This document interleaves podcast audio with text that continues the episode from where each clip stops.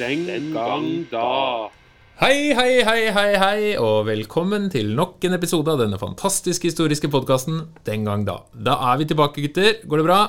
Det går bra. Jeg har det bra. Har dere det bra? Jeg har det bra. Ja. Bra. eh, good talk. good talk Nei, ja, Etter omstendighetene så får vi nok en gang dratt oss inn i studio. Det er jo litt tid mellom hver gang. Vi beklager det for dere som eventuelt skulle like å høre på oss. Eh, Vi liker veldig godt å gjøre det her, men det tar litt tid eh, fordi Noen vi har annet å drive med. Små barn og pandemier og alt som foregår en. Sier du at småbarnslivet er krevende? Ikke i det hele tatt. Ikke for meg i hvert fall. Sikkert veldig krevende for kona mi, men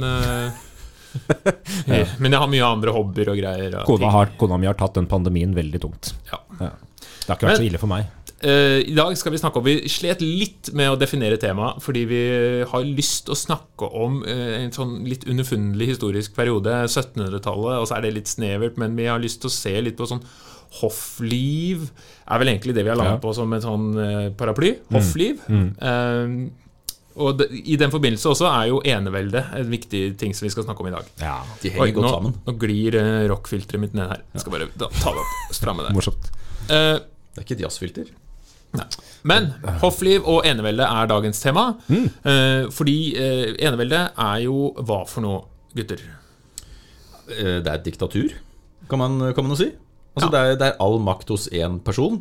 Som er konge, da. Gjerne er en konge. Gjerne en konge eller keiser. Gjerne en konge. Ja, for du har jo og sikkert hoff Man har jo hoff også hos ikke-eneveldige konger, men det er jo i eneveldetiden hvor kanskje hofflivet er mest eh, spesielt og interessant og morsomt og fascinerende. Som en blanding av sosialt og politisk arena, som vi sikkert kommer inn på. Men ja, man har jo hoff. At man har jo fremdeles hoff. Ja. Den norske kongefamilien har jo Vi snakker snakker ikke om da det lille tettstedet som ligger i, i, hoff. Nei, i Vestfold. Vestfold kommune. Ja, Vestfold det ligger det skrives med ph, gjør det ikke det? Foff. Nei, hoff. Ikke voff. Nei, ikke foff. Okay. Eh, Men altså, man har jo hoff. Alle konger har jo hoff fremdeles som administrasjonsenhet rundt seg. Men, eh, men ja, vi skal tilbake litt i tid, ja. Ja. For før vi sier hva et hoff Eller eh, et enevelde, ja. Nei. For når er enevelde? Er det liksom, fordi det er jo en institusjon lenge, enevelde. Ja. Du har jo tidligere eksempler på enevelder. Ja. Eh, Hvis vi, hvis vi bare i, i, raskt ser tilbake til f.eks. et sted som Egypt, så har man en farao som er både konge og gud. Og det er en vanlig måte å se på enveldig mm. samlingspunkt. da At du er gjerne innsatt av Gud. Ja, fordi Det er jo kanskje forskjellen fra faraoen, som var konge og gud. Ja. Og også de, altså keiserne i Roma etter hvert ble jo gudeliggjort ofte etter sin Ja. død. Mens i, i på en måte det europeiske kongerikene på 1600-1700-tallet så var man jo konge fordi Gud Man mente at Gud mente at sånn skulle være. At man konge av Guds nåde. Ja, og det, da får vi en ganske stor endring i kongens makt. Kongen tilskrives mye mer makt i det han også påberoper seg å være konge av Guds nåde, fordi da, da har du liksom eh, den øverste konge på din side. da. Eh, Og det er vanskelig å utfordre en sånn kongemakt, særlig siden den kongen jo da også eh, Den Guds nåde går i arv ikke sant, ned til barnet. Sønnen, da, primært ofte. Og kongen blir jo da eneveldig. Ja, og Da snakker man om, om dynastier, da Ja, hvor, hvor man arver makt. Ja, At fordi- pappa er konge eller dronning, man må være dronning. Da, Men det høres jo rart ut for oss. ikke sant? Én mann, han har jo Eller ja, for stort sett er det en mann, men også tidvis kvinner, som vi skal inn på. Men eh, hva er det som gjør at én mann kan styre, da? At, det liksom, at man, én mann kan ta alle beslutningene, er ikke det ganske Det er mye Altså- beslutninger å ta, da. Åssen funker dette i praksis? Altså, det enkleste svaret er jo at han er ikke aleine. Det er ikke han som gjør alt alene. Han får hjelp av de som er rundt den, i hoffet, eller Ofte så kan man også Referere referere til som aristokratiet. Eller altså har- regjeringsapparatet. Eller regjeringsapparatet. Eller crewet. Eller entourage, eller hva man skal definere. Jeg ville valgt regjeringsapparatet. Det er kanskje mer presist. Ja. Men, men kongen er jo avhengig av støtte. Ja. For å kunne gjennom, altså for å ha reell makt, så må man jo ha folk som hører på det. Og de må få noe igjen for det. Hvis ikke så har man jo ikke makt. Ja. Og så må man jo også legitimere makten sin på et vis for at andre skal gjøre som du sier. Eh, hvis vi trekker litt eh, fra sosiologien av Max Weber, som mener at sant, du har tradisjonell makt, som er den typiske 'jeg har makt fordi sånn er det, og sånn skal det være, og sånn har det alltid vært'. Som er jo kanskje den eneveldige kongeinstitusjonsmakt. Og så har du den karismatiske makten, at jeg løser alle problemer. Eh, i, uten meg så er dere, er dere skakkjørt, og jeg er den som skal fikse alt dette. Uh, og det er jo Napoleon er jo et eh, eksempel på det. Trump. Trump, ja. Han prøver å pårope seg. ikke sant? Jeg er den løsningen på alle Men det, altså det skal sies, alle de fleste valgbare embeter uh, er jo operert under den makta. Ja. At jeg har en løsning som dere bør følge. Ikke sant? Og så har du en slags altså en byråkratisk strukturell makt, hvor du, det er jo, du har makt gjennom din posisjon i systemet. da. Ja. Så det er jo alltid en slags kombinasjon, ofte. Eh, og i eneveldet så er det jo den tradisjonelle makten som kanskje veier tyngst. At det er sånn fordi det har vært sånn. Men det, man, man kan jo ikke utføre det alene, da. Eh, uh, og hvis vi skal se på, på Hvis vi er på 1600-tallet, som er det vi egentlig har mest lyst til å prate om, så er jo adelen en viktig sentral maktinstitusjon mm. som stammer jo fra middelalderen. Og da er det jo føydalismen, som vi har jo snakket om tidligere, men ta oss fort gjennom hva er føydalsystemet for noe? Det er jo et klassesamfunn eh, hvor folk er inndelt etter stender. Altså én stand, flere steder. Så ikke et klassesamfunn, men et Ja, stendersamfunn. et stendersamfunn, ja. ja. Men det er jo et slags klassesamfunn. Da, bare for å, litt, altså Et stendersamfunn er kanskje litt mer Ja, vi- hvis jeg skal uh, Nei, jeg er ikke helt enig. Ja, Klassesamfunn er noe som utvikler seg litt etter hvert, Ja. etter etterstendersamfunnets oppløsning. Og en klasse er jo noe du i prinsippet kan jobbe deg ut av. Et stendersamfunn skal i stort sett Altså, Du har jo muligheter, det fins jo eksempler på folk som blir adeliggjort og sånn, Ja, men i utgangspunktet Ja. så er jo fødselen din som avgjør hvilken posisjon du får. Jeg trekker det tilbake. eh, Det ble for tabloid. Du skal gå i deg selv, Jeg, jeg, jeg, jeg skal gjenintrodusere omforlatelsesbolten. Men, men en stand, da. Eh, Og i, eh, la oss ta utgangspunkt i Frankrike, da. Hvis det er et eh, sted som vi ønsker å være i dag, og det er det jo. Ja, for Frankrike er jo kanskje også der hvor føydalsystemet har vært i sin reneste form. Og da har du i en slags pyramideform kongen på toppen. Og så har du de geistlige, altså de som har noe med kirken å gjøre. fortrinnsvis prestene. Og så har du adelen. Og så har du resten. I den såkalte tredjestanden, da, som eh, Frankrike er innordna etter. Og da har du et, et system som er veldig rigid, som man jo, som dere nå har påpekt, ikke kan nødvendigvis jobbe seg ut fra. Nei, fordi føydalsystemet vokser frem i middelalderen også altså, som en resultat av det. Hvordan skal en mann styre? Sant? Og kongen på toppen som besitter en, et makt De sier at alt dette området er mitt. Hvordan skal jeg rent praktisk klare dette? Byråkratiet er dårlig utvikla, det er lite eh, infrastruktur. Jo, jeg gir bort området til en, eller, til en vasall, altså en som kan jobbe for meg, og det er jo gjerne da en adelig. Ja. Så som vasall så skal du jobbe for Jeg peker på Jørgen, og han er min vasall. Sånn i, i symbolsk og i det virkelige liv. Eh, Så skal han jobbe for meg, og han har ganske mye selvstyre. Eh, Adelig har privilegier og kan ta og skatte de han bor på. Han har en del bønder som jobber hos seg, som er ufrie serfer, som på en måte må jobbe for han og er underlagt hans gods. Og han kan styre seg selv så lenge han hjelper meg når jeg trenger hjelp. Og, og, og anerkjenner meg som sin uh, lensherre, altså som sin overherre. Så, så bunn i grunn altså, er dette et system som to parter tjener på. Yes. Kongen og adelen. Ja. Og de er jo De går jo hånd i hånd gjennom hele føydalsystemet. Ja. Fordi de er avhengig av hverandre. Kongen er avhengig av støtte. Og adelen har reell verdslig makt fordi de har store verdier.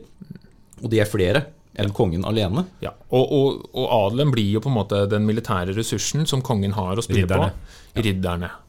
Og under, ja, unnskyld. under der igjen har du jo ja, du, altså I prinsippet så kan du jo trekke det her til veldig mange instanser, men i korte trekk så har du jo da en rekke bønder under som driver jorda på vegne av de over seg. ikke sant? De er ufrie, de eier ikke jorda sjøl, men de driver den på vegne av, eh, av ridderne. Eh, altså de som er under kongen igjen. ikke sant? Og så har du da noe de tjener på også, ikke sant? ved at de eh, bøndene får beskyttelse ovenfra og bidrar da med skatteinntekter og jordbruk. Eh, Altså Alle har på sett og vis noe å tjene på Ja, det, men, det er- men, det er men, det, klart, men det er det er jo- mindre valg jo lenger ned i systemet ja, og, det det kommer. er, og det, selv om det er sånn at alle skal tjene på dette her ideelt sett, så er det jo fremdeles en, eh, en, sånn, en symbiotisk forhold der noen tjener mer enn andre. Mm.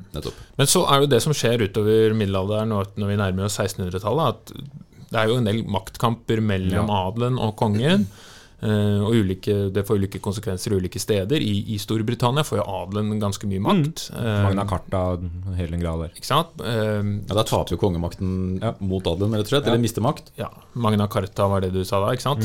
Eh, og det, det er vel på 1200-tall? 1215, stemmer det? 12-15, ja. Det nærmeste Storbritannia har en grunnlov. Ja, så Det er jo hvor adelen rett og slett får makt på vegne av kongen. Men så skjer jo det motsatte andre steder, at kongen får mer og mer makt. Og det som er litt fascinerende da, siden nå må vi komme oss inn på temaet, er jo at Inn som har vært den militære ressursen, altså de styrer sitt eget område, får lov til å styre i stor grad selv, men da også som en krigerstand, da, ikke sant. Altså du, har de som ber, og de som jobber, og de som kriger, og adelen er jo de som kriger. Men etter hvert som kongens makt styrker, og byråkratiet til en viss grad vokser seg ut, eh, så forsvinner på en måte den militære rollen til adelen i større grad. Eh, Man får leiesoldater, man får skytevåpen, og det er en del ting som gjør at ridder, ridderslåssinga ridder forsvinner mer og mer. Og så blir jo adelen eh, fortsatt eh, privilegerte, men man går over fra det som kalles en sverdadel til en hoffadel. Ja. Hvor kongen får mer og mer makt, og for adelen så vil det å være nærmest mulig kongen være fordelaktig. Og du får dette hofflivet, da, som Ja. vi skal inn på. Og det er jo interessant med tanke på eneveldet at det, det høres jo ut som det, liksom, kongen har en guddommelig rett til å være konge. høres jo ut som det er mye eldre enn det det egentlig er. For det høres jo ut som en middelalderskonstruksjon sånn egentlig. Men det er jo, men det er jo sånn at eneveldet vokser seg sterkere og sterkere utover i historien. eh, Ja. Og piker på 1600-1700-tallet. Ja, I Norge ble jo eneveldet, eller Danmark, da, Danmark-Norge, så var det jo 1660. Ja, det er Som, som jo er seint, ja. Men det er jo tilsvarende tidspunkter i Frankrike og så videre, så det er ikke sånn at uh, det, det, er seint i våre øyne, men det er ikke seint i historisk perspektiv. Uh, og det er litt interessant. Og noen mente jo at eneveldet altså også, Dette er jo også samtidig med liksom opplysningstiden, og det og mange av opplysningsfilosofene også mente jo kanskje at eneveldet var en god løsning. Ja, ja. Thomas Hobbes, for Og da, eksempel. da snakker man om det opplyste eneveldet. Altså en som, Ja, altså en som lar seg påvirke av opplysningstidens idealer, men som likevel styrer med absolutt makt. Ja, men altså, det er ikke så rart man hadde den tanken, fordi man var jo vant til en situasjon der vanlige folk ikke nødvendigvis hadde utdanning eller kunnskap, og det ville være risky å gi sånne folk eh, for mye makt, så da tenker man at eh, de lever i en naturtilstand der de må styres av noen over, så, så lenge den herskeren på toppen gjør dette på en god måte, så er eneveldet da fornuftig. Ja, og, ikke sant? Og, det, og, det er, og man er jo avhengig av tillit, Ja. på et vis. Du gir, Altså, du gir fra deg frihet Ja. for å få beskyttelse da. sant? Og Men det, det kan vi trekke paralleller til i dag. altså Det er jo de som mener at altså, de litt autoritære lederne bør Det er jo de som støtter opp om de i dag òg. Ja. Ja, ja, og det, og det, det har jo med tradisjon å gjøre, og hva slags eh, samfunn man har vokst opp i. Og Ja. demokratiet er jo på ingen måte det vanlige styresettet i verden, hvis man ser på det er, det er Altså vel- Historisk sett så er det i hvert fall ikke det. Ikke historisk, og ikke nå heller. Det er vel, eh, nå, det er vel 25 land eller sånn som regnes som fullverdige demokratier ut ifra demokratiindeksen. 25? Ja, det er ikke flere. Det er mange hybridregimer. Det er mulig at det tallet ikke stemmer, også, men det er i hvert fall flere ikke-demokratier da enn demokratier i verden, hvis man skal se på hele kloden. Så det at folk lar seg styre av en diktator da, eller en konge, eller sånn, det er ikke uvanlig. Det er heller normen. Nå skal, du, nå skal det sies at vi har konge fremdeles, og hoff men, eh, i Norge, men eh, da ikke eneveldig. Ja. Sånn for, bare for å berolige dere. Hvis de vel, ja, Ja. Norge går som et demokrati. Ja. Det, det, De er veldig gode til å klippe snorer. Det, det er, Kongen, ja. og, og, og til å samle folket gjennom gode taler. Det er jo det vi bruker kongene våre til. da Ja. Men ja, hvor var vi nå? Eneveldet. altså, I 1600-tallet eneveldet vokser fram, og du sier at hofflivet da endrer karakter. Ja, for hvorfor, er det, hvorfor skal vi snakke om hofflivet? Hva er det vi syns er så spennende med det? Det er jo veldig, det er veldig sært da, og veldig gøy. Og det er sånn blanding av eh, et sosietetsmiljø, altså hvor folk menger seg med kongen eh, bare for å være inntil kongen, men også fordi at det er reell makt å være i et hoff. Fordi da er du nær kongens øre, og da kan du påvirke kongen direkte og hans avgjørelser. Og så er det interessant, fordi det er, det er et konsept som vanlige folk har litt vanskelig med å liksom se for seg, fordi det ligger så fjernt fra vår virkelighet, i hvert fall deres virkelighet. Og det er, eh, tenker jeg da, og det er, eh, og det er, det er litt spesielt opplegg da. Ja, for vi snakker jo om det offentlige privatliv eh, eller, Ja. ja. i dag med, med sosiale medier og sånn. Men Ko- kongene på 1600-tallet, da. eh, Hvis vi, hvis vi holder oss der. Fordi det er jo snakk om at dette er jo tiden hvor de store palassene bygges og man får enorme konstruksjoner. Altså type Versailles da i Frankrike, for hvis noen har vært der. Som kanskje det ytterste eksempelet. Rådhuset i Sandvika. Ikke sant? Eller palasset i St. Petersburg. Ikke sant? Altså det er store slott som bygges med utrolig mange rom, hvor kongen jo bodde. Ja, og, og hvis vi kan bruke litt tid på Versailles, da, det er et fantastisk eh, eksempel på liksom, peak, peak, morsomt, peak enevelde. Et tidligere jaktslott hvor da Ludvig den 14. har sin residens. og Bygger det ut, og eh, hoffet hans, eh, og i hvert fall de viktigste delene av hoffet, de bor der. Fordi det å være nær kongen er liksom hele poenget. Og eh, hoffet er jo en, eh, en sammensetning av forskjellige typer, men de er interessante for kongen. Det er på en måte det felles kriteriet. Da. De har enten penger, de har intelligens, eh, de har eh, kulturell kapital, eller de er bare pene. Og Derfor vil kongen ha dem rundt seg. Og hvis de klarer å være i kongens indre krets, så har de da påvirkningskraft. Da. Ja, fordi Det er også fascinerende der er jo at man tenker på mange av de oppgavene som ble gjort i hoffet. fordi det er jo da, Du skal sikkert si litt om det, men dette med at altså, Ludvig den 14. Og, og kongen etter er, var jo, det er en evig tilstedeværelse av andre folk. Ja.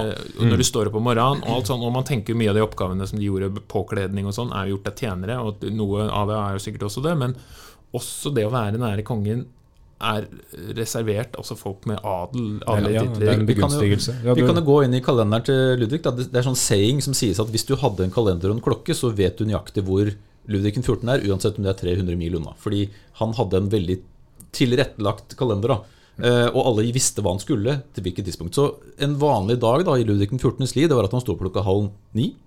Typisk. Og da kommer da den første oppvåkningsseremonien. Den første.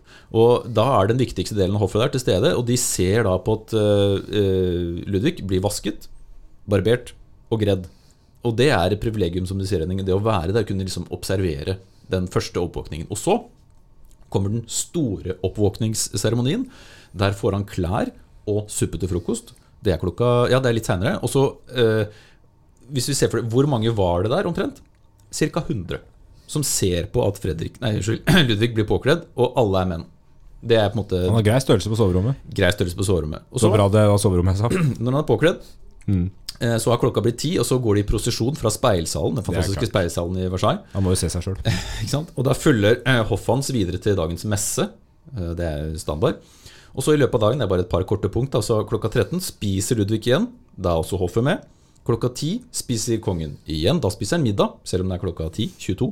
Har han da, ikke spist mellom ett og ti? eh, ikke ifølge kalenderen hans. Kanskje en makron som jeg eller muligens. Og da, og da skynder hoffet seg tilbake til kongens gemakker for å kanskje kunne få se ham spise en semiddag. Og så klokka halv tolv så er det gå og legge seg-seremonien.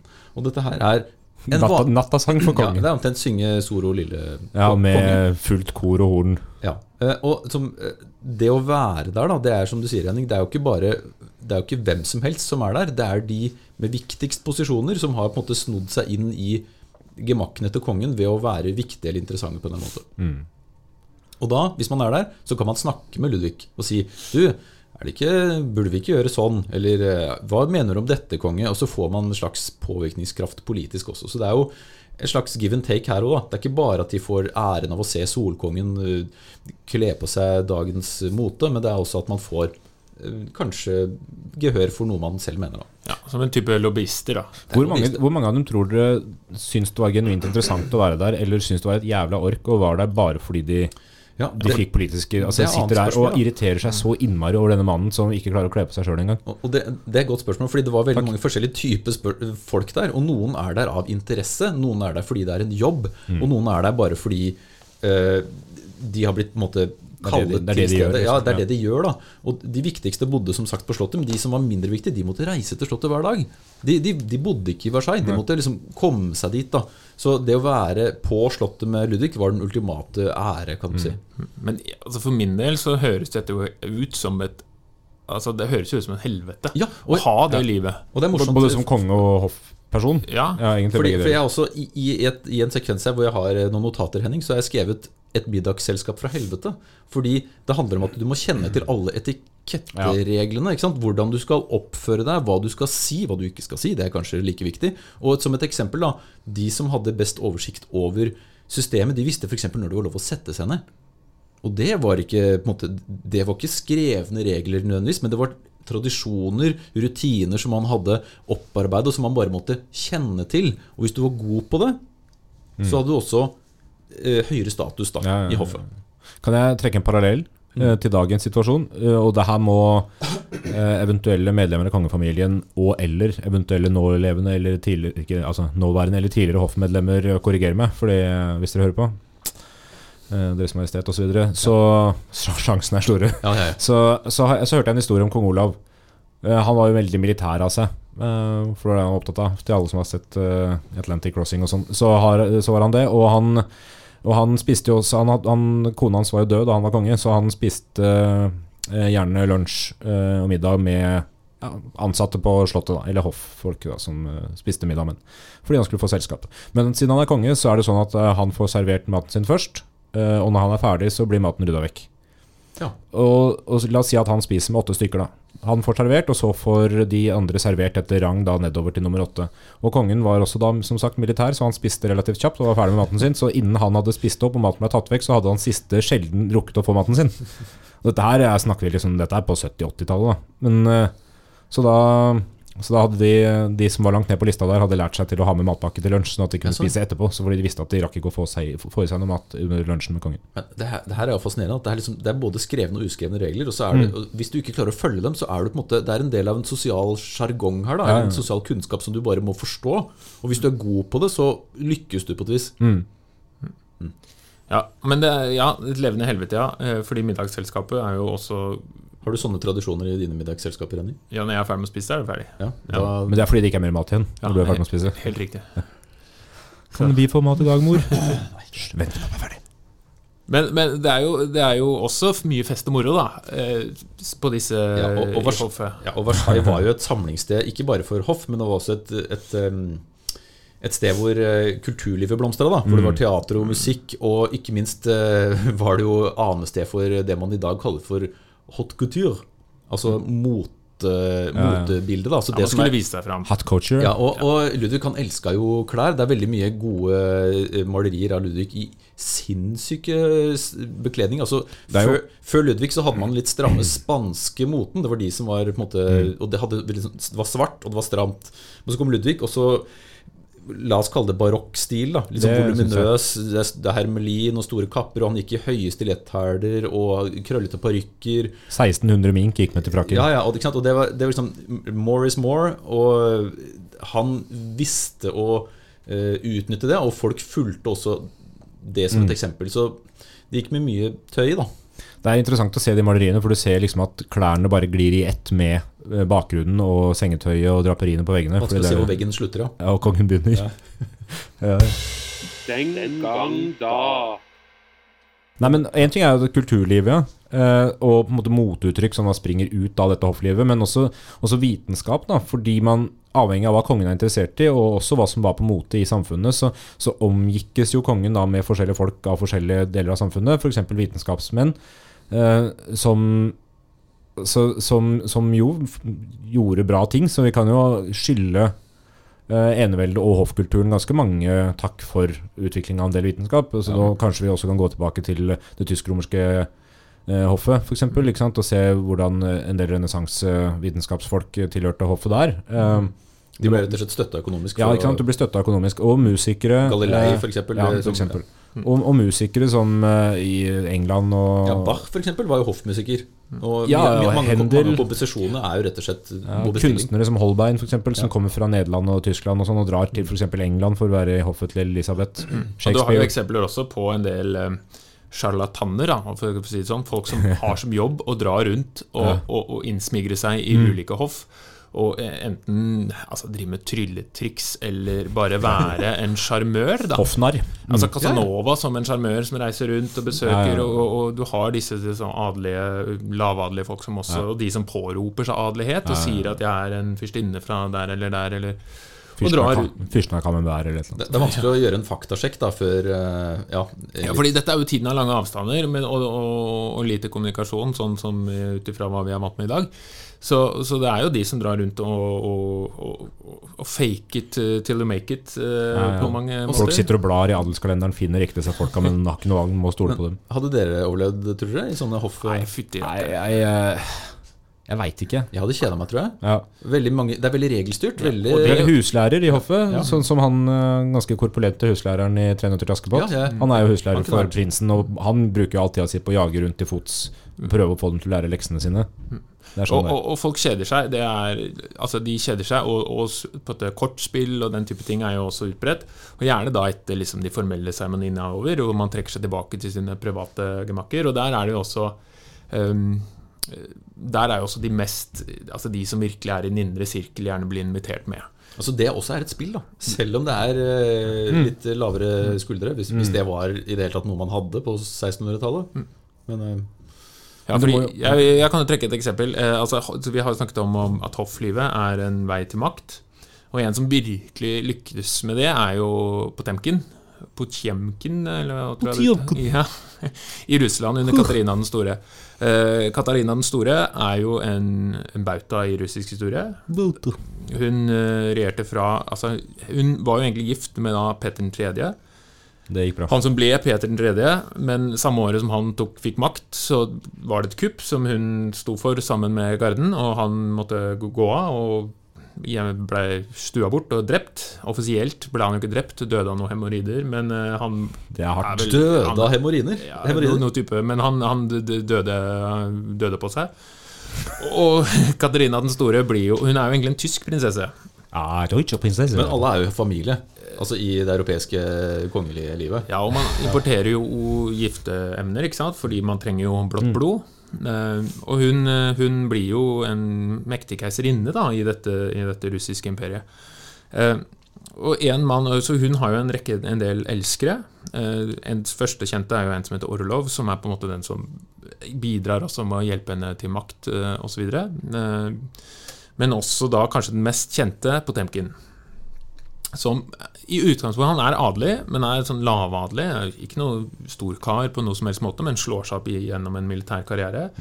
Og blir da en elsker av Katrina den store.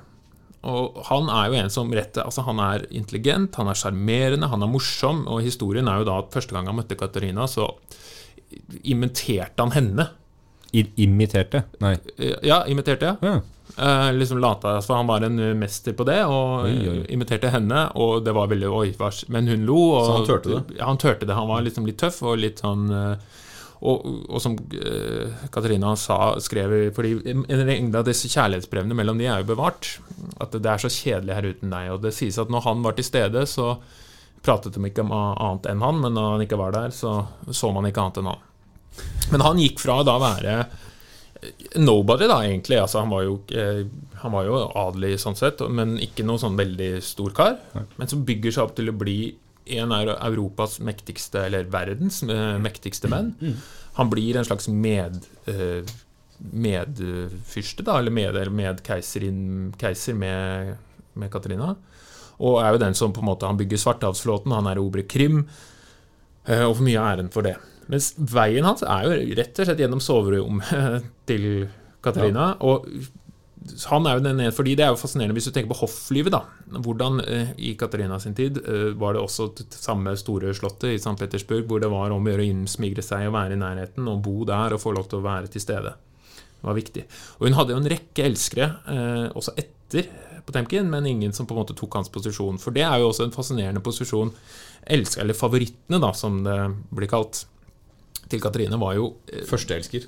ja, førsteelsker, rett og slett. Altså en som eh, litt eh, enkelt forklart diltet etter, da. Og sto til disposisjon når hun trengte trøst og omsorg, men også gjennom brevene og det som er bevart, at hun faktisk elsket dem. Og hun var jo en dame som hadde mye både lidenskap og følelser. og var oppriktig glad i dem, og ikke minst i Potemkin. Og det er jo da antatt at de giftet seg, og selv om det ikke er offisielt ekteskap på av hun skulle jo stå alene med makten. Det er vel også Potemkin, hvis jeg husker riktig, så er jo han en som som på en måte matcher henne på et vis. da Intellektuelt, intellektuelt sett, absolutt. Og, og altså at han har på en måte nok å spille på da Ja, i kulturell det. kapital, Ja, ja, og at han derfor blir interessant for henne som ikke bare elsker, men som samtalepartner. Ja. Men det, og det, er, altså, det er jo litt fascinerende med disse andre elskerne, fordi det også er jo også bevart litt sånn tidvis utholdelig kjedelig å stå der. Og i hvert fall når du har Potemkin som er en slags far i huset. Da. En som kommer innom en gang iblant og tar hovedrollen, og du på en måte må booke pent og si ok, da går jeg ned, han venter i andre rommet, med en du kanskje faktisk er glad i, da. ja, ja. Eh, Nei, det er. Er det, er det men også hvordan de da Når Katarina ikke nødvendigvis er lei av det, men når det sprekker, da også får enorme mengder rubler og landegods og, og bønder og sjeler som du kan styre over. Eh, så det å på en måte komme deg inn i soverommet til Katrina var jo en, en måte å sikre både deg og dine etterkommere i evig tid. da Det er tips. Eller ikke evig tid, Kom da fram, fram til 1917. Da, da gikk det jo dårlig. Da gikk det dårlig. Men der, altså, fram til revolusjonen, så har du jo også Der har vi jo han Rasputin, Rasputin er som, som er i en samme kategori, sånn egentlig, selv om dette er noen år etter. da Og han gjør det bare ved å være klin gæren. Jo, men, Det- ja, ja, men han får jo gunsten til det kongelige. Ja. Og ender opp med ganske mye interessant makt. Og det, det samme ser vi i Frankrike under kardinal Richelieu, under øh, Ludvig den 13., blir det. Som sitter med den reelle makta i Frankrike i veldig mange år. Eh, Dette er før Ludvig den ja, 14. åpenbart, i og med at det er Ludvig den 13. Men, eh, men eh, så før den store enevoldstida, men likevel. Eh, personer som da ved hoffet klarer å tuske til seg ganske mye Ja. makt. Skulle er si jo- det, Struense er også et godt eksempel da, i Ja. Danmark-Norge. Ja, han er Ik- Ikke at han er elskeren til Kristian 7., men han Han er, er jo elsker til dronninga etter hvert. da. ja, og han er jo de facto styreren også i Danmark-Norge, da. Ja, og da, da må vi til eh, Da må vi til eh, midten av 1700-tallet, der kong Kristian 7. er rapegal. Han er sinnssyk, eh, så han, eh, så han trenger en legehjelp. Og så får de tak i en lege som har lest eh, ganske mye opplysningsfilosofi, og som har masse fiffige ideer om eh, hvordan eh, et eneveldig eh, eh, opplyst eneveldig bør være. Og denne legen eh, Han het Mats Mikkelsen, gjorde han ikke det? ja, han spiller seg Matt Mikkelsen i filmen. Det er riktig, så fin referanse der. Han heter Mats Mikkelsen, eh, aka eh, Johan Friedrich Struense, som var tysk-dansk. Eh, som ikke var så uvanlig på den tida. Og han, eh, han skulle være livlegen til kongen. Da. Og i den posisjonen så får du også mye tilgang til kongen, fordi du er tett på og driver med kaldere undersøkelser. Men han får også veldig tett tilgang til dronninga, som var ekstremt misfornøyd i det ekteskapet fordi kongen ikke hadde interesse av henne. Han hadde bare interesse av andre prostituerte. Andre prostituerte, faktisk. Ja, er Beklager. det er jo interessant. Beklager, dronning. Eh, prostituerte, f.eks. elskerinna Støvlett-Katrine. Men eh, han, det er bra navn. Eh, jeg tror ikke hun var døpt det. Men han eh, Men Strunse får mer og mer makt, og ender opp med da så mye makt at eh, at han, Det holder med hans signatur for å få gjennomført lover. Man trenger ikke kongens signatur lenger. Og da har jo han de facto hele makta i et eneveldig kongerike. Et godt eksempel på når man bare kan Han er ikke valgt. Han Han er er, he- ingen han er heller ikke konge. Men det er ikke kongen heller. Eh, men, han, men, men han, Han snor seg inn, på en måte. Ja, han snor seg inn, og adelen hater det. Blant annet fordi han tar vekk rettigheter fra adelen. Mm. Og prøver å innføre ytringsfrihet og en del sånne ting. Og til slutt så blir han sånn drept. av. Han blir drept av fordi han, han ligger med dronninga, og det, da hadde det gått for langt. Eh, så han ble henretta. Men det Mm. Er jo men det er et interessant perspektiv på det hofflivet. At du kan tuske deg sjuke mengder makt da, så lenge du har hjernen på plass, eller litt flaks, eller sjarmen, eller et eller annet. da Ja, problemet til Struense var jo at det var kongen som satt med den, den teoretiske makta, og ikke dronninga. Ja. For hadde det vært motsatt, så hadde det jo sannsynligvis gått ganske bra. Ja. For da kunne dronninga vært den som måtte Ja, sånn som Katrine Stordal. mm. Nei, ikke sant. Det var jo, Apropos det, det var jo Katrine den store er jo en som står ut som en av de store, virkelige Mm. kvinnelige uh, herskerne. Men også hennes sønn hatet jo henne, så hun, han, han gjorde det slik at ingen kvinner skulle komme til makten. Uh, etter at hun var det. Det Det er litt interessant. Ja, han, han ville jo altså, eh, Katrine ville jo ikke at han skulle ta over, og ønsket å omgå han, men det endte ikke slik. Hun døde, og han fikk makten, og gjorde slik at det ikke skulle komme noen kvinner og ta makten. Så eh, han, han var litt bitter, kan man si. Han var meget bitter, og han hatet jo Potemkin også som, som Ja. den makthaveren han jo var.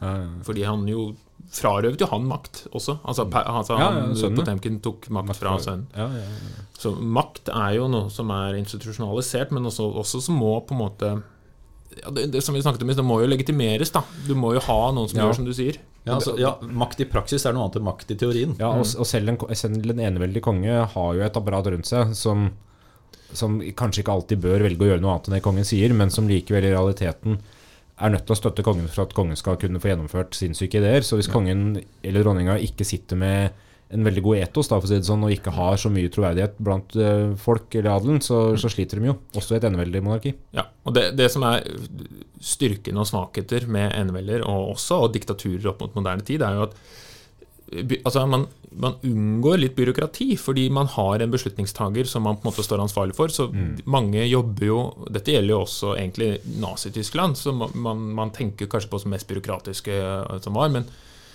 man jobber, man gjør den jobben man tror man skal gjøre ut ifra den maktstrukturen og den personen som sitter på toppen. Altså, Ja, men der er jo hoff, hoffprinsippet ganske aktuelt, egentlig. Fordi du har Hitler-kanselliet, liksom, med Hitler på toppen, og alle under bare svarer Hitler. Og prøver å pisse Hitler opp etter ryggen. ja. Og da ender jo opp med masse maktkamper, men, ideelt, men også at det blir krysninger av sinnssyke planer. ikke sant? Fordi alle gjennomfører det de tror Hitler, som du sier, har lyst til at skal gjennomføres.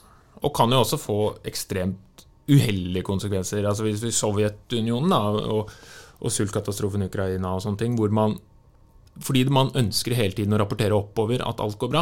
Eh, Så man tør ikke å si at nei, dette går ikke så bra. Vi har ikke nok korn. Vi bare tar alt kornet og så prøver vi å dytte og fylle kvotene Eller vi, vi kan ikke invadere akkurat nå fordi det passer ikke. Man gjør det likevel, da. Ja, fordi å- man ønsker å opp, altså, er en veldig sånn oppovergående hierarki, Mm. da, så man ønsker hele tiden å gjøre den over seg fornøyd. Ja. dette ligner jo også på eh, det moderne, nei, det moderne trumpske Amerika. da som, som, Hvor han Ja, jo omgir seg med ja-mennesker i stor grad. Som, og selv nå når han eh, ser ut til å ha tapt Ser ut til, nå som han har tapt valget, men likevel mangler på en måte den bekreftelsen fra republikanere, fordi de ikke De tør rett og slett ikke, da. Nei, fordi man er redd for at man skal støte seg mot han og Og hans han har så stor, stor makt gjennom sin velgermasse, og dermed blir det på en måte Hvis de sier at de bryter båndet med han, så, så mister de også oppslutning, kanskje. da Ja, de, de venter jo helt til han har falt av nåde, holdt jeg på å. Helt til det virkelig er helt 100% sikkert at dette kommer ikke til å gå. Han er ute av partiet eller eventuelt død. da. Men kan vi, kan vi se det her fra, bare lite, fra monarkens perspektiv? Hvordan det er å på en måte ha disse folka rundt seg hele tida? Altså, en ting er hvordan vi ville håndtert å, ha hoff, å være i hoffet. Hvordan ville vi håndtert å være konge i en sånn posisjon? Jeg tror det er det verste. Du er jo faen aldri aleine. Nei, Fravær av privatliv tror jeg må være noe av det Og så snakk, snakke om ekkokammer, da. Ja. Altså folk, som, folk som bare bekrefter det du sier. Og, og en ting som man ikke, Når man ikke er en kjent person, så tenker man ikke at folk eh, Altså, folk justerer seg da når de er sammen med deg. Ja, de aner jo ikke hvordan folk egentlig Nei, ikke hva sant? Så, så hva de egentlig mener, må være helt umulig å vite. Men det er ikke sikkert de reflekterer så mye over det, for det er bare det de har vokst opp Altså, Ja, det- Ludvig, Ludvig 14. var konge i over 70 år. Det var det eneste livet han kjente til. Ja, og Det kjente sitatet 'staten, det er meg' det sier jo litt om hva han mente om seg sjøl, også hva han var oppdratt til. Og Det, det her er jo ikke noe nytt i enevoldstida, for så vidt. Det gjelder hvis du, hvis du ser på gamle kilder over norske prinser i middelalderen, eh, Håkon Håkonsen og hele gjengen der, så, så ser du hvordan de også er oppdratt i en tro om at de, de har en genetisk rett til å ha den rollen de har, og at de om ikke de er Altså, de, de, de blir oppdratt til å mene at de er litt bedre enn andre, og de får jo også en helt annen utdanning. Apropos hoffliv, de blir sendt til hoffene i Europa, og de lærer om, om europeisk ridderkunst og driver med helt andre ting enn alle andre vanlige folk i Norge. Da. Så de, de lever jo ganske Altså, Altså Man kjøper jo sin egen egen fortelling, da. de gjør jo det. De lever jo ikke i nærheten av det vanlige folk gjør. Og det er jo også derfra du har liksom hele konseptet om, om den høviske kulturen, da, hoffkulturen. Eh, høvisk litteratur, litteratur om hoff og lærebøker i hva det vil si å være, å, å være en hoffperson. Enten du er kongelig eller adelig eller bare prøver å komme deg opp i systemet, så er det masse regler for hvordan du skal opptre. Eh, selvfølgelig, som vi har snakka om tidligere. Men eh, det har jo blitt det, det, det her er jo grunnlaget for, for hele historiske skildringer, ikke sant? Med, med romaner og kjærlighetsdikt og alt som Altså høvisk kjærlighet, f.eks. Høvisk eh, ja, ridderlighet og alt mulig er jo knytta til det konseptet her. Så det er jo jækla viktig for europeisk kultur. Mm. Her, altså, poenget med det er jo at man skal, man skal være balansert og avmålt. Og det er et Mm. ideal som følger veldig mange av hoffene i Europa. At man skal følge de, måte, de høviske idealene. At det er en slags distansert måte å være på. Du skal være kontrollert i din, Ja. i din væremåte. Men det, betyr ikke at alle hoff opererer på den måten. Er langt, Ja, ja. ikke i Jeg vet at, jeg vet at f.eks. også i eh, Som jeg nevnte, norrøn eh, Ikke norrøn, men i europeisk middelalder eh, og i norsk middelalder, da, så var det også ikke uvanlig at, eh, at mennene skulle vise følelsesuttrykk for å, for å på en måte ja, så, Som en sånn retorisk eh, gest, da nærmest. Gråting og litt sånn som i Roma i antikken. At, eh, at følelsesutbrudd ikke var uvanlig. Ja. men, men det er kontrollert følelsesutbrudd. Ja, det Det er, det er det er kalkulert. Det er et spill. Ja, det er kalku ja, alt er et spill. Og det spillet må du beherske for å lykkes da i denne hoff... hoff ja, altså Hvis dere ser The Crown, eh, den engelske serien om eh, den engelske kongefamilien fra 1900-tallet, så har jo det litt samme elementer. Det er et, veldig mye er et spill. Jeg har ikke sett den, jeg. Det er verdt å se. Er den verdt å se? Det er verdt å se. Ikke jeg. Det er verdt å se. Mm, det er verdt å se. Netflix. Er verdt å se? Okay. Ja. Dette er ikke Det er betalt. Men det er verdt å se. Jeg skal gjøre det. Men eh, ok, dette ble jo en litt løs prat om litt alt og ingenting, men det er kanskje greit, det òg? Mest hoffliv Jeg har, og ikke jeg har ikke så mye lyst til å være Jeg har fortsatt ikke lyst til å være i hoff. Nei, jeg fortsatt Ikke, ikke kommunen, altså. Men uh, kongen hadde sikkert en mer behagelig seng men enn eh, bøndene og tryggere måltid, men jeg Jo, men det er likevel 100 mennesker rundt deg når du våkner. ja, Eh, det, er, det er jo litt sånn, litt sånn filosofisk diskusjon. da altså, Vil man vært konge eller bonde på 1700-tallet? Altså, jeg, tror jeg, jeg tror jeg hadde valgt konge, altså. jeg tror jeg hadde valgt bonde. Altså. Du hadde? Ja, ja. Selv om faren for å sulte i hjel og Pest. Men det å kunne på en måte gå inn i forhåpentligvis din egen lille hytte og sitte rundt bålet med de du er glad i, enn å sitte der dolla opp av folk du veit egentlig bare prater med deg fordi du har den ja, posisjonen. men veit de det, eller Det er litt som ville du vært kjendis, på en måte? Kanskje vi finner ut av det. Ve- Vet de, men vet kongen at uh, folk ikke egentlig altså, Har de den Jeg tror innsikten? ikke de, jeg tror ikke de har noe metaperspektiv på det de driver med. det er vanskelig å vite Altså ikke nå, da, men da, mener jeg. Ja, ja, ja. Eh, ja. Men, det, men altså, diktator fins jo fremdeles. Men, eh, ja, ja, ja, for all del. Det vet jeg. Vet du det? Jeg vet det. Ja, så bra. Kim Jong-un. Ja. Har han innsikt i hva vanlige folk tenker om den? Eh, ja. Okay. Nei da, jeg vet ikke. Men han også er jo et godt eksempel på en som kun eksisterer fordi systemet tillater det. Ja. Ja. Eh, men eh, du hadde dagens ord i dag, Hans. Ja, fordi vi Det er jo altså Hoffkulturen, som jeg sa, er jo gammel, men eh, har jo i stivna former eksistert fram til i dag. Fordi vi har hoff rundt omkring i verden fremdeles. Ja. Fordi konger Vi har til og med hoffreportere. Vi har hoffreportere. eh, og vi har et, et, norsk, et hoff i Norge. Et hoff i Norge. Og de er jo arkaiske i sin form. Så hele konseptet med konger er jo ganske gammelt. Arkaisk, altså gammelt. Eh, og derfor er dagens ord lakei. Ja. Eh, og det er et ord som betyr en livrekledd tjener hos en høytstående person. Uh, altså, det er arbeidsuniformen, det er en livré, da. Hva, er- hva er en livré? Det er arbeidsuniformen. Uh, Altså kjeledress. ja, det er kjeledress. Nei da. Uh, jeg er litt usikker på hvordan den ser ut, men det er ikke så farlig heller. Poenget er at eh, det er en tjener som jobber i hoffet hos en høytstående person, gjerne en konge. Ehm, men det er jo også nedsettende, fordi det brukes som noen som er som er underkasta en annen. ikke sant? Du snakker om at en lakei for okkupasjonsmakten, f.eks. Hvis du tjener en feil persons sak. Eh, der, det kommer fra fransk uh, laqué, fra spansk lacayo, så hvis noen lurer på det, og maurisk al-Qaid. Jeg har prøvd å finne ut om det har noe med Al-Qaida å gjøre, men det betyr uh, noe litt annet. Men det er knytta til noe av det samme begrepet, faktisk. Det, det betyr egentlig bare høvding eller fyrste. Eh, historisk sett så er det fordi maurerne måtte underkaste seg. Uh, de kristne da de gjenerobra, så derfor blei de altså de første lakeiene.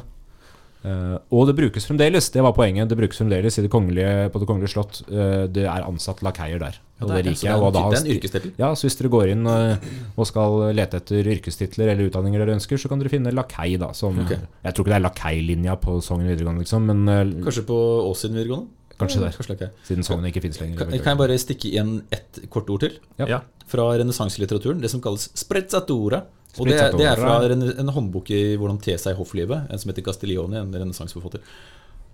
Sprezzatura, det er den skillen, den egenskapen du må besitte for å være eh, For å lykkes i hofflivet. Og det handler om at du må gjøre alt med letthet. Ja. Altså hvis du, hvis, du, hvis du er veldig god til å fekte, så må du ikke vise det fram. Du må bare la det være så naturlig at alle syns det ser lett ut.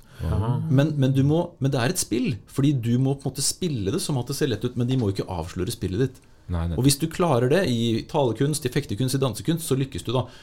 Eh, Og dette ligner liksom på en eller annen sånn Ja, det er et slags pokerfest, men hvis du, hvis du gjør det med sprezzatura, eller nonsjalanse, da, Mm. slags oversettelse, så, så vil folk eh, se opp til deg. Kan ikke vi begynne å bruke det litt mer? Altså, både begrepet, men også bare Ja. oppføre oss litt mer sprezzatoriske. Nettopp. nettopp. Ja. ja, men supert. Det skal jeg, det skal jeg ta til meg. Det skal jeg prøve å gjøre. Gjøre alt med letthet og nonsjalanse. Ja, ja, nei, men Da avslutter vi denne postkassen. Ja, ja, ja, jeg vet jeg er ferdig. Ja, Nonsjalant. Ja. Gidder ikke å si ha det engang. Nei, ha det. Ha det bra.